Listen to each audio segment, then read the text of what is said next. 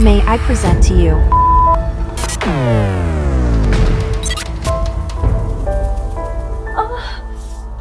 De middeleeuwen zijn voorbij. Als dan de reformatie begint, heeft de prostitutie het zwaar. In heel Europa is hoererij na 1500 verboden geweest. Vrouwen van lichte zeden en hun klanten werden opgepakt en berecht. Of ze werden uit steden verbannen of kregen veel zwaardere straffen. Mannen in de prostitutie werden verzwegen. Dat was een nog veel groter taboe. Ook werd Europa, volgens sommigen, vooral na 1500 overspoeld door geslachtsziekten. Die werden toegeschreven aan prostitutie als straf van God, hoewel die altijd al hebben bestaan. Toch is hoererij nooit verdwenen. Als het niet mag, gaat het ondergronds. Dat is altijd al zo geweest. Prostituees werden langs de randen van de steden bij de oude stadspoorten verstopt.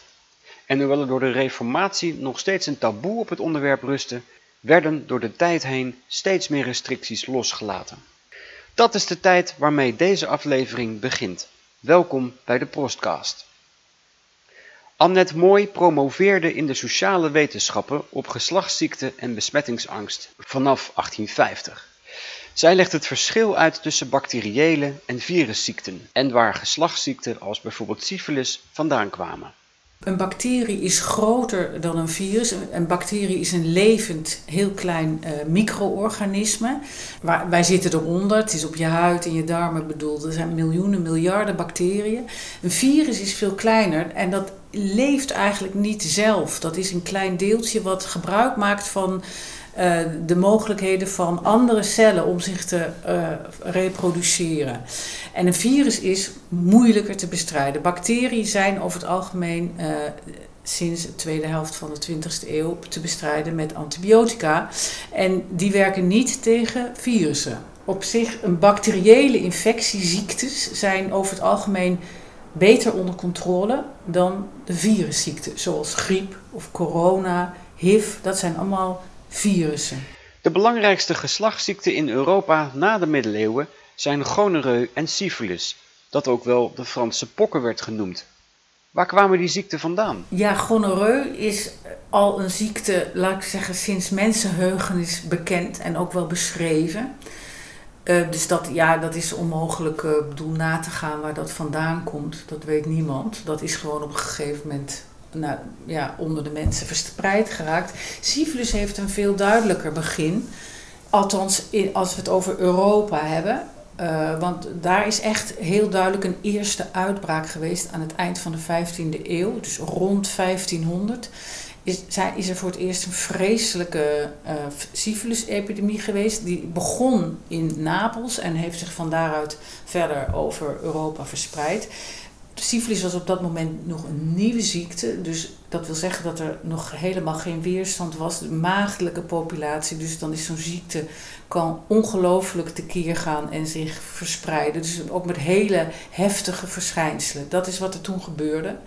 Het idee is dat het vanuit uh, de nieuwe wereld, dus Amerika, is meegenomen uh, door de schepen van Columbus, die daar in rond 1495 geloof ik in Napels aankwamen. Het is ook wel weer omstreden, maar het is in ieder geval een hele, uh, ja, laat ik zeggen, die twee uh, gebeurtenissen zijn heel erg aan elkaar gekoppeld geraakt. Die komst van die vloot en vervolgens een enorme syfilis-epidemie die daar ook in uh, Napels begon. Waarom werden ze dan de Franse pokken genoemd? Ja, dat was in Nederland heten ze de Franse pokken, maar in Frankrijk noemen ze het weer de Italiaanse ziekte. En dus dat is een beetje de gewoonte om, uh, uh, wat je, om vervelende dingen uh, een herkomst te geven die niet in je eigen land is. Dus ja, de Italiaanse ziekte, de vuile pokken, de Franse pokken, ze, heten op alle. De, ze zullen ook wel eens ergens de Engelse pokken genoemd zijn. En ja, er, er was natuurlijk gewoon verkeer tussen, alle, tussen de landen. Dus je, uh, het kan heel goed geweest zijn dat soldaten bijvoorbeeld en matrozen waren natuurlijk, dat waren vaak groepen waar die, waar die ziektes heersten en waar ze ook door overgebracht werden, in havensteden kwamen. Dus dan leek het net alsof het Franse legioen of weet ik het wat, het uit Frankrijk kwam. Terwijl het ook al in Nederland inheems was. Dat is meer sociaal iets, dat dat dan de Franse ziekte heette.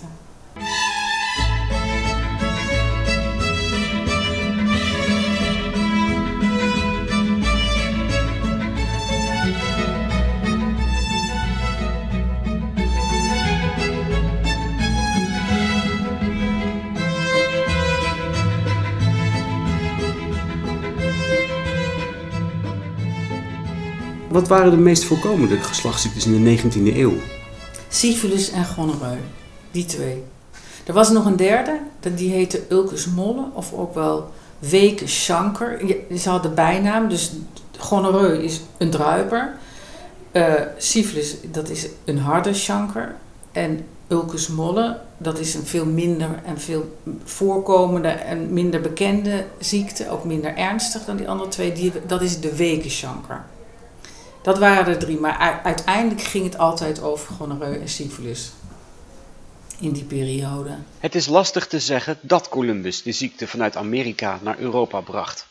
Maar dat de uitbraak van syfilis en de terugkomst van Columbus in Europa tegelijkertijd kwamen, dat is duidelijk. In Amerika bestond de ziekte al en waarschijnlijk ook in Europa of in delen daarvan. Maar, zoals Annette Mooi al zei, rond 1500 brak er dus een heuse syfilis-epidemie uit.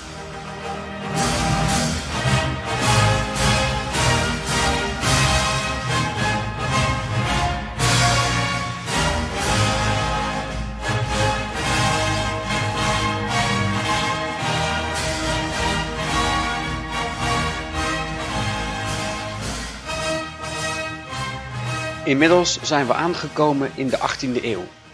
Toen in 1794 Nederland door de Fransen werd bezet, heerste er nog altijd syfilis.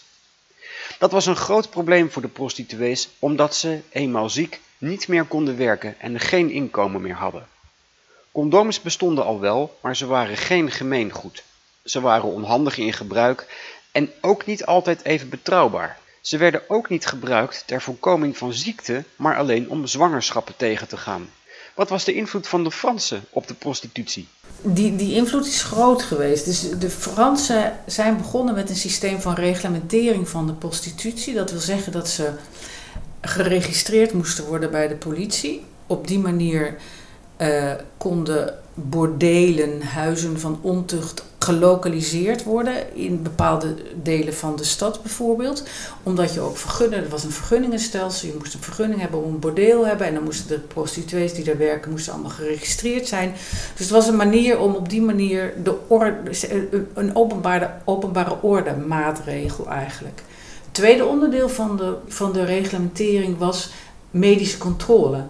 Uh, dus het idee was, prostitutie is de bron van besmettingen. Via de prostitutie komt het bij jonge mannen die daarheen gaan. En dat kan voorkomen worden door die prostituees wekelijks of tweewekelijks aan een medische controle te onderwerpen en de besmette gevallen erop uit te halen. In Frankrijk is dat systeem heel strak ingevoerd. Ik bedoel, in een hele op een fanatieke manier ingevoerd en ook uh, vervolgens ten uitvoer gebracht. Toen de Fransen hier kwamen, is hier ook, dus 1810, 1813, in die periode is ook de reglementering in Nederland ingevoerd. En er waren er ook grote groepen artsen die daarvan een voorstander waren. Maar het is nooit op dezelfde manier, ja, zo tot in de puntjes uh, geregeld geweest als in Frankrijk. Het was een idee van van, eigenlijk vooral het medische gedeelte. Die registraties in Nederland sowieso veel minder van de grond gekomen. Maar die medische controle, er werd vaak met de pet naar gegooid. Het idee was dat dat op dat moment dat dat de beste weg was om verdere verspreiding te voorkomen. En het heeft tot aan het eind van de 19e eeuw bestaan. Ja, toch waren er ook heel veel bordelen, zeker in grote steden als Utrecht en, en, en Amsterdam, waren er ontzettend veel bordelen die uh, illegaal waren, maar ze werden wel ja. toegestaan. Ja. Maar hoe is dat te rijmen met het, met het idee van we moeten die geslachtsziektes tegengaan? Nou ja, dat is natuurlijk niet zo heel goed te rijmen, maar dit is wel zoals het, zoals het vaak gaat. Dat er vanuit er wordt een idee bedacht om de geslachtsziekte tegen te gaan, maar in de praktijk is het weer barstiger en er zijn niet zoveel keurartsen die dat willen. De prostituees zelf hebben daar natuurlijk helemaal geen zin in, want als ze eruit worden gehaald, dan, hebben, dan, ja, dan zijn ze een tijdje hebben ze geen inkomsten. Dus niemand zat er echt op te wachten in het circuit. Althans, de prostituees en de bordelen zelf niet. Dus die probeerden daar natuurlijk ook onderuit te komen. Ja, daarnaast is het natuurlijk ook maar uh, de vraag in hoeverre het nou echt effectief was. Ik bedoel, het was een idee dat de prostitutie de bron was van geslachtsziekten. Men had het idee dat de geslachtsdrift van jonge mannen niet belemmerd mocht worden, want dan zouden ze zich vergrijpen aan onschuldige vrouwen, of nog erger, aan elkaar. Homoseksualiteit of sodomie was sinds 1811 niet meer strafbaar, maar werd niet zomaar geaccepteerd. Daarbij, in de loop van de 19e eeuw bleek steeds duidelijker dat prostituees niet of nauwelijks bezocht werden door jonge mannen, maar door getrouwde mannen, bijvoorbeeld van oudere leeftijd. En dat via hen geslachtsziekte in burgerlijke huisgezinnen kwam. Dus toen werd de aandacht heel erg gericht op de schade die die mannen aanrichten in het huisgezin. Op onschuldige slachtoffers, die vrouwen die niet van niets wisten en die met iemand trouwden, die vroeger, misschien van vijf jaar geleden, ooit een prostituee bezocht had en nog steeds syfilis onderleden had. En die, die vrouw werd daar de dupe van, want zij werd besmet, kreeg een kind wat besmet werd. Het verhaal dat die getrouwde mannen hun gezin besmetten, werd gedurende de 19e eeuw mede ingezet voor een verbod op prostitutie. Weer een verbod, ja, maar nu niet alleen met een religieus, maar ook een medisch argument. Vanaf 1850 kwam er steeds meer een gevoel van ongelijkheid tussen mannen en vrouwen op. Langzaam maar zeker ontstond een soort eerste feministische golf. Een voorvechter van vrouwenrechten en gelijkwaardigheid tussen mannen en vrouwen was de arts en feministe Aletta Jacobs. In haar boek Vrouwenbelangen schrijft zij hoe dieper men in dit vraagstuk doordringt, des te meer wordt men ervan overtuigd dat de prostitutie het wel en wee van velen onzer beheerst. Dat zij onze gezondheid en die onze kinderen ondermijnt. Dat zij velen onze zusters wegdrukt uit de maatschappelijke sfeer en hen doemt tot een leven vol verachting en ellende. Als men dan nog bedenkt dat die vrouwenschaar die opgeofferd wordt aan dit zogenaamd noodzakelijk kwaad, grotendeels voortkomt uit de volksklasse, dat gebrek, onkunde, ruwe zeden, ziekelijke ontaarding, verleiding die vrouwen meestal voert in deze poel van ellende, dan meen ik dat er redenen te over zijn om alle valse schaamte terzijde te stellen, den sluier weg te rukken die het prostitutievraagstuk omhult, en met helderen blik en rustig oordeel dit kwaad in zijn veelzijdig optreden te onderzoeken. En ook noemt ze in haar boek de gevaren van syfilis. Onder venerische ziekten verstaat men die ziekten die men door omgang met prostituees kan verkrijgen. Daarvan is echter de syfilis de afschuwelijkste, de gevaarlijkste, zij sloopt niet alleen het gestel van den aangetaste, maar zij is bovendien in hoge mate besmettelijk en overerfelijk, zodat ook kinderen en zelfs kindskinderen er de gevolgen van ondervinden. Vele andere ziekten vinden in deze haar oorsprong. Konden wij de syfilis in haar geheel uitroeien, vele andere ziekten zouden met haar van de aarde verdwijnen. Annette Mooi over de vrouwenbewegingen aan het einde van de 19e eeuw. Die speelden daarin een belangrijke rol, want die kwamen op voor vrouwen. En vooral dus uh, hebben die zich heel erg verzet tegen die dubbele moraal die ten grondslag ligt aan dat hele systeem van reglementering. Namelijk dat er voor mannen en voor vrouwen andere eisen van zedelijkheid gelden. Mannen moeten zich kunnen laten gaan en vrouwen moet, voor vrouwen is niks toegestaan. En dat, nou ja, dat kun je op twee manieren oplossen. Je kunt zeggen, vrouwen moeten zich ook laten gaan in alle opzichten. Of je kunt zeggen, mannen moeten ook kuis en zedelijk zijn. En die route, die tweede route, is gekozen. Dus de, de, de zedelijkheid eh, zedelijkheidseisen, uh, die moesten gelijk getrokken worden. En dat betekende dat de mannen zich beter moesten gedragen volgens, uh, die voorvechters, volgens die eerste feministische golf. En ook, het was een coalitie van groepen die zich heeft ingezet voor de, voor de afschaffing van de reglementering. De vrouwenbeweging was er één van, maar je had ook allerlei christelijke groeperingen. Uh, ja, vereniging tot verhoging van het zedelijk bewustzijn bijvoorbeeld. Ik bedoel, de naam zegt het al.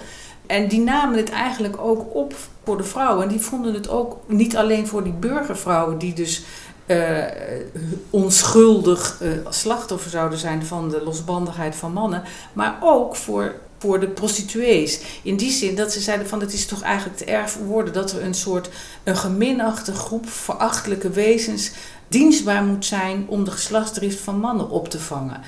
Dat was ook een streven om die groep te verheffen en uit de ellende te halen met mate bedoel, want er was natuurlijk een kloof van hier tot ginder tussen, tussen de prostituee en de vrouwen die in die verenigingen uh, werkzaam waren. Maar het was in ieder geval eigenlijk een empathischer houding ten opzichte van de prostitutie uh, die reglementeerders hadden aangenomen. Een andere grote naam uit deze tijd is Marianne Klerk van Hogendorp. Zij richtte in 1884 de Nederlandse Vrouwenbond tot verhoging van het zedelijk bewustzijn op. Zij was fel tegen de reglementering van prostitutie die door de Fransen was ingevoerd en bestreed de prostitutie in het algemeen. Bij de oprichting van de bond zei zij over prostitutie... Men zegt het is een noodzakelijk kwaad, alsof zoiets mogelijk zou zijn in onze christelijke maatschappij. God heeft in een aanvang gezegd, het is niet goed dat de mens alleen zij. En wees vruchtbaar en vermenigvuldigt en vervult de aarde. En het reine, kuise huwelijksleven beantwoordt hieraan volkomen. Een noodzakelijk kwaad kan er nooit uit ontstaan. God laat zich niet bespotten. Wat de mens zaait, dat zal hij ook maaien. Mijn zusters, het is u zeker wel allen bekend dat de gevolgen van het onreine leven verwoestend werken op degene die daaraan toegeven. Zedelijk is al wat volgens Gods ordening is en daarom ook overeenkomstig de menselijke natuur, zoals zij gekomen is uit de hand van haar schepper en zoals zij hersteld is in de tweede Adam. Daarom, mijn zusters, nodig ik u uit te vormen een vrouwenbond voor de verhoging van het zedelijk bewustzijn. Dit is de overwinning die de wereld overwint, namelijk ons geloof. En wij geloven dat de overwinning volkomen behaald is op Golgotha, toen onze heiland dat heerlijke woord sprak. Het is volbracht. De veranderende visie en de medische en religieuze argumenten resulteerden in een pakket aan wetten die in 1912 werden ingevoerd de zedelijkheidswetten. Die kwamen van minister van Justitie Regoe tijdens het kabinet Heemskerk. In de wet werd abortus strenger bestraft en vrouwenhandel, pooierschap, bordelen en het verkopen van condooms en pornografische blaadjes, maar ook gokken verboden. De Amsterdamse cabaretier Eduard Jacobs zong in diezelfde tijd een lied over de zedelijkheidswetten. Hij vond het allemaal maar niks. En hij geloofde ook niet dat het ook maar iets zou veranderen. een andere naam daar voor precies dezelfde zaak. De gelegenheid blijft open, dus de gokken ook maar raak. De wet op handelaars in vrouwen maakt die zaak nog lang niet klaar. Wat men niet mag importeren, komt in het land als smokkelwaar. Eerst kon men die herenartikelen krijgen in een gesloten zaak. Nog gaan de dames ermee venten en ze tippelen maar raak. Het zal met al die strenge wetten steeds dezelfde weg opgaan. Niemand wil bij de minister onder curatelen staan. Als men ons te braaf wil hebben, dan loopt het veel gauwer vaak. Dat zien we aan onze mooie drankwet, want ze zuipen toch maar raak.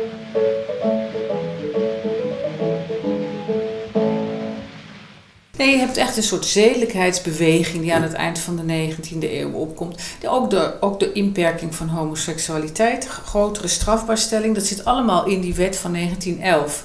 Dus dat was wel, je kunt dat wel een offensief, een zedelijkheidsoffensief is het wel genoemd. En dat, nou ja, dat, dat had verschillende eh, vertakkingen. Prostitutie was er een van, homoseksualiteit was er een van, gokken. In de 19e eeuw had je geslachtsziekten. Hoe werden die bestreden? Ja, behalve dus dan door die reglementering had je dus ook wel de echte medische uh, bestrijding, dus de behandeling. Gonoreu bijvoorbeeld eh, werd bij vrouwen niet vaak minder snel ontdekt, omdat het in, vooral in het begin niet veel symptomen geeft en ook pijnloos is, maar die wel echt ook grote gevolgen kan hebben, namelijk onvruchtbaarheid. Syphilis is heel erg lang met kwik behandeld.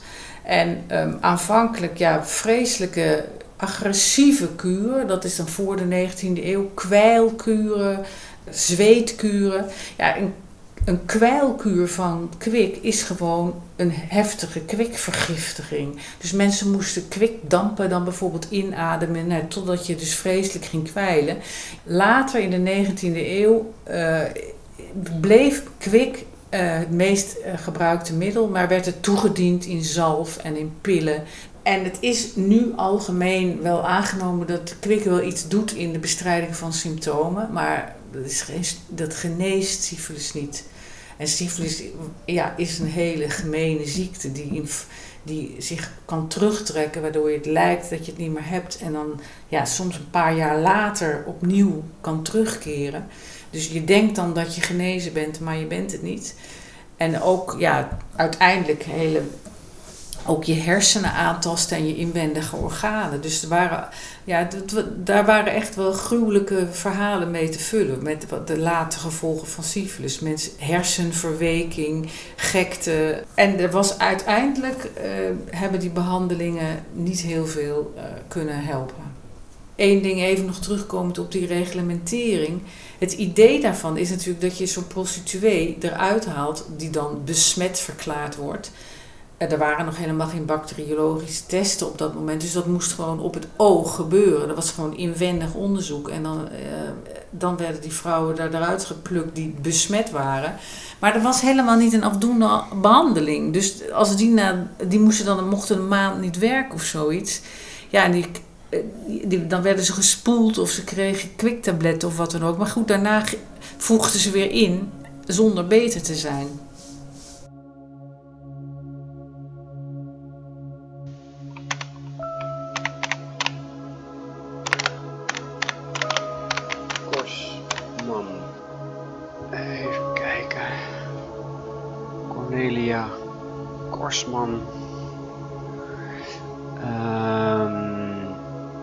Overlijdensakte nummer 276. Op heden den 1 maart 1859 zijn voor ons ondergetekende ambtenaar van den burgerlijke stand der stad Utrecht in het huis der gemeente verschenen Jan van den Berg oud 36 jaren, en Johannes Moerman, oud 38 jaren, agenten van politie, die ons verklaard hebben dat op den 27ste der vorige maand des avonds half 10 uren in den ouderdom van 31 jaren binnen deze stad is overleden Cornelia Korsman, zonder beroep, geboren te Dussen in Noord-Brabant, wonende al hier ongehuwd. Ja, dit is, um, uh, dit is de overlijdensakte van Cornelia Korsman. Zij is in uh, 1826 geboren in Dussen. Dat is een dorp net boven Tilburg. En zij komt uh, ergens rond 1850 naar Utrecht. En ze gaat in de binnenstad wonen, vlakbij de Mariaplaats. En daar vindt ze werk in verschillende bordelen. Maar begin 1859 wordt ze ziek en wordt ze opgenomen in een ziekenhuis met, zoals in de akte staat, een twijfelachtige ziekte. En dat is uh, heel waarschijnlijk syfilis. Na een maand wordt ze ontslagen uit het ziekenhuis, maar dan op 27 februari 1859 verdrinkt ze zichzelf in de Oude Gracht. Het zou uh, heel goed kunnen zijn dat Cornelia Korsman ook door die kwikbehandeling tegen syphilis uh, ja, gek is geworden. Dat is, uh, dat is echt hard. Tja.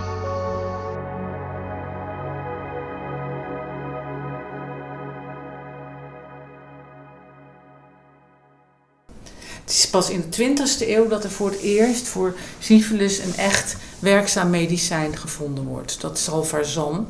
Rond 1910 wordt, wordt dat ontdekt. Ook gevaarlijk, want dat was arsenicum, was daar het basismateriaal van. Dus daar zijn ook wel mensen aan die behandeling, zeker in het begin, overleden. Omdat ze dan te veel namen. Maar het hielp wel. Eduard Jacobs bleek gelijk te hebben gehad. In de jaren na de invoering van de nieuwe wetten werden ze in de 20e eeuw stuk voor stuk allemaal weer afgeschaft of veranderd. Dit was aflevering 5 van de Prostcast. Ik dank muzikant en componist Dekker met A. Umlaut en CK, onderzoekster Annette Mooi, Hans van Keulen van het Allard Pierson Museum, Ines van Aagten, Karin van S, de familie Regoe en het Utrechts Archief. Volgende week gaan we verder met de 20e eeuw en kijken we naar het heden. Hoe is het om als prostituee te werken? En dan nog even dit. De Prostcast wordt gemaakt door Messcherp Media, zonder sponsors of belanghebbenden en is dus onafhankelijk. Luister je graag naar deze podcast? Laat de maker weten dat je waardeert wat hij of zij doet en geef een digitale fooi. Dat kan zonder abonnement, snel en simpel via fooiepot.com. Fooiepot met een d.com.